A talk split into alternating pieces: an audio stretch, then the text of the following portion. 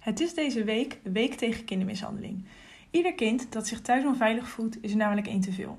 Het is daarom belangrijk dat de omgeving van het kind signalen van kindermishandeling of vermoedens van kindermishandeling serieus neemt en hun zorgen deelt, zodat het kind en het gezin geholpen kunnen worden.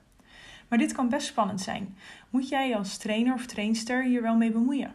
Misschien weet je niet zeker of er iets mis is met je spelers of je speelster, dus laat je maar even voor wat het is. In deze column hoor je wat je op een laagdrempelige manier kunt doen. Want als trainer zie je jouw spelers vaak en speel je een belangrijke rol in hun leven. Maar je bent geen hulpverlener. Per jaar zijn in Nederland ongeveer 120.000 kinderen slachtoffer van kindermishandeling. Dat is 2,5 keer het stadion De Kuip vol met kinderen. En dat komt neer op één kind per twee sportteams. En dat is veel. Dus ook bij jou in het team kan een speler zitten met een onveilige thuissituatie. Maar hoe weet je dat? Bij het herkennen van kindermishandeling maken wij onderscheid tussen weten en voelen. Het weten, of bijna zeker weten, gebeurt vaak naar concrete signalen. Denk aan veel blauwe plekken, regelmatig geen eten bij zich hebben, het niet betalen van de contributie, niet passende of kapotte kleding hebben of heel angstig zijn. Helaas gebeurt het zelden dat signalen zo concreet zijn dat je er niet meer omheen kan. Veel vaker gebeurt het dat je als trainer een gevoel hebt dat iets niet klopt. Je kan je vinger niet goed op de zere plek leggen, maar je voelt dat er iets speelt.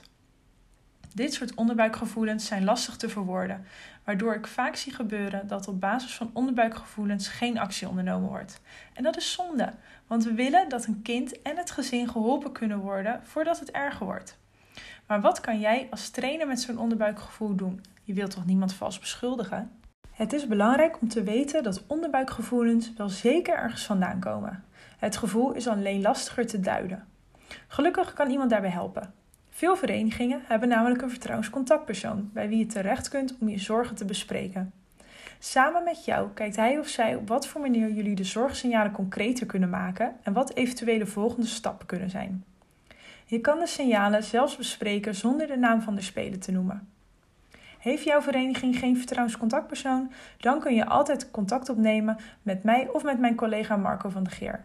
Onze contactgegevens staan onderaan de pagina. Nu je weet dat je al op een laagdrempelige manier je zorgen bespreekbaar kan maken bij de vertrouwenscontactpersoon of bij Marco of bij mij, wil ik afsluiten met een vraag. Ga eens na of je dit seizoen of afgelopen seizoenen wel eens een onderbuikgevoel hebt gehad bij een van je spelers of speelsters. Een gevoel van: hé, hey, hier klopt iets niet, of ik hou die speler of speelster wat meer in de gaten. Zo ja, welke stap zet jij om het kind te helpen? Rotterdam Sportsport organiseert verschillende cursussen om mensen op te leiden tot vertrouwenscontactpersoon.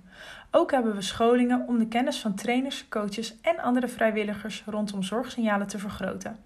Heb je interesse in dit thema of ons overige aanbod over veilig sportklimaat? Laat het ons dan weten. Je kan een mailtje sturen naar de e-mailadressen die onderaan de pagina staan of ons bellen op ons kantoornummer. We komen graag met je in contact.